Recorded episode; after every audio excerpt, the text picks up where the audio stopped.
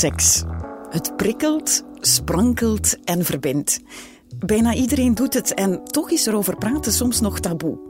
In deze Highland podcast, Mijn Superseks, doorbreken we dat taboe en vertellen lezers het waargebeurde verhaal over hun beste seks ooit. Onze journaliste, Roxanne Welles, noteerde hun ervaringen en kreeg toestemming van de vertellers om hun verhaal ook te laten inlezen door onze stemmen.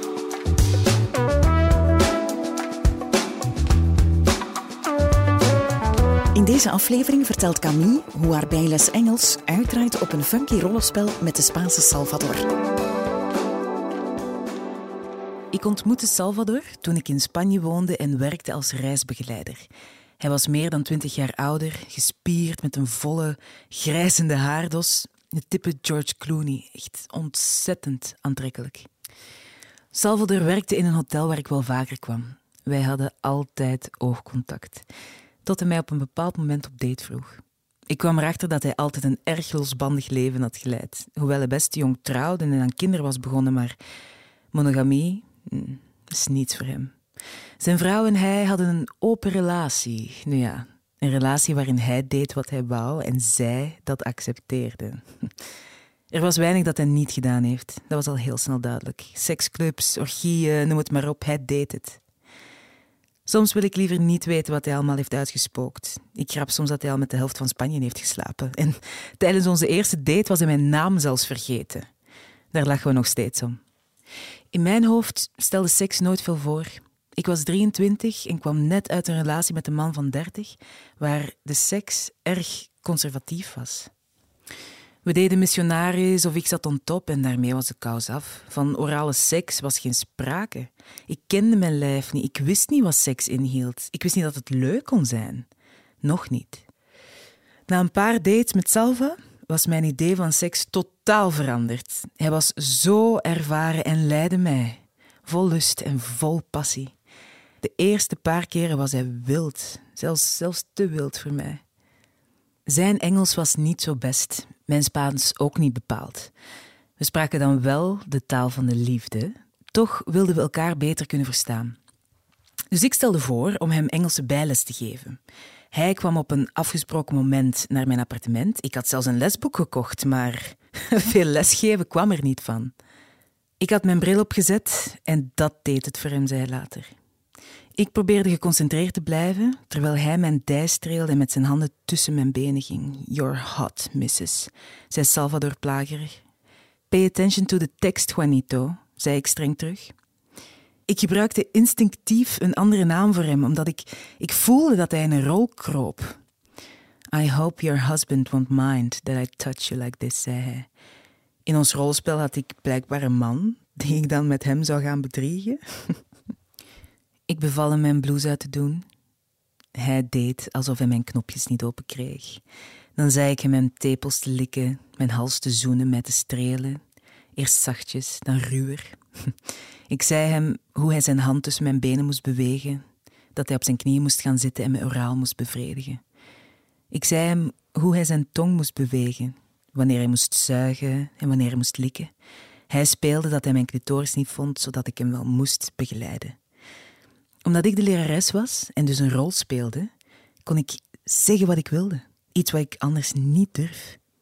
We gingen maar door en door tot ik zo gek werd van verlangen dat ik wilde dat hij mij nam, daar, tijdens onze Engelse les met zijn werkboek en potloodje netjes op tafel. Het was bloedheet in de kamer. Het was al de hele maand bloedheet in het land. En terwijl we bezig waren, droop het zweet van zijn gezicht op mijn borsten.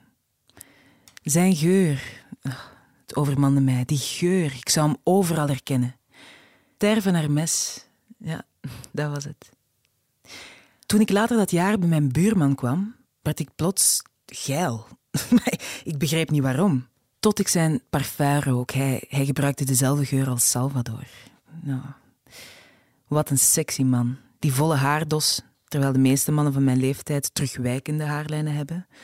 Zijn tepelpiercing, die grote tatoeage op zijn arm, zijn prachtige lach. Ik heb nog nooit iemand ontmoet met zo'n lach en dan dat geluidje dat hij erbij maakt. Toen ik jaren later mijn vriendin mee naar Spanje nam en zij Salvador ontmoette, zei ze: Camille, ja, nu snap ik het. Nu snap ik waarom je er als een blok verviel. Want dat deed ik. Ik viel hard. Zo hard zelfs dat een relatie begonnen die bleef doorgaan, terwijl ik na een jaar terug naar België ging. We lieten matching tatoeages zetten. Hij liet een oneindigheid steken op zijn al bestaande tattoo zetten, wat een oog was. Hij vond het dan lijken op een traan die onze moeilijke situatie weerspiegelt. Ik liet ook zo'n teken zetten. Onze seks bleef stomend en opwindend. Door de rollenspellen die we deden werd het nooit saai.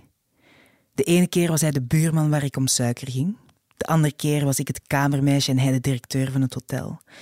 Ja, hij ging daar altijd zo in op dat ik soms nog weinig van hem, van, van Salvador, terugzag. Ook als we elkaar na lange tijd terugzagen, duurde het nooit lang voor we seks hadden. Meestal spraken we af in de stad. Hij parkeerde zijn auto in een veld en ja, daar gingen we.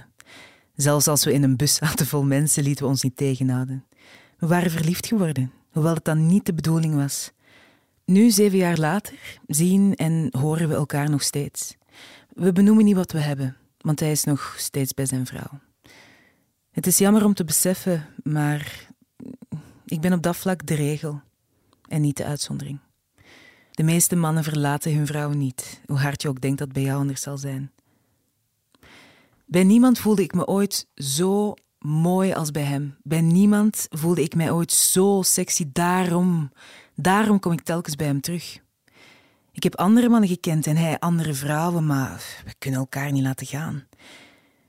Ik wacht ergens nog steeds tot hij voor mij kiest. En tegelijk weet ik dat ik dertig ben en niet meer eeuwig op hem kan wachten. Mijn vriendinnen weten niet dat ik nog altijd naar hem smacht. Ik weet toch wat ze gaan zeggen. Laat hem los. Ik zou dat ook zeggen tegen hen. Maar ik kan het niet.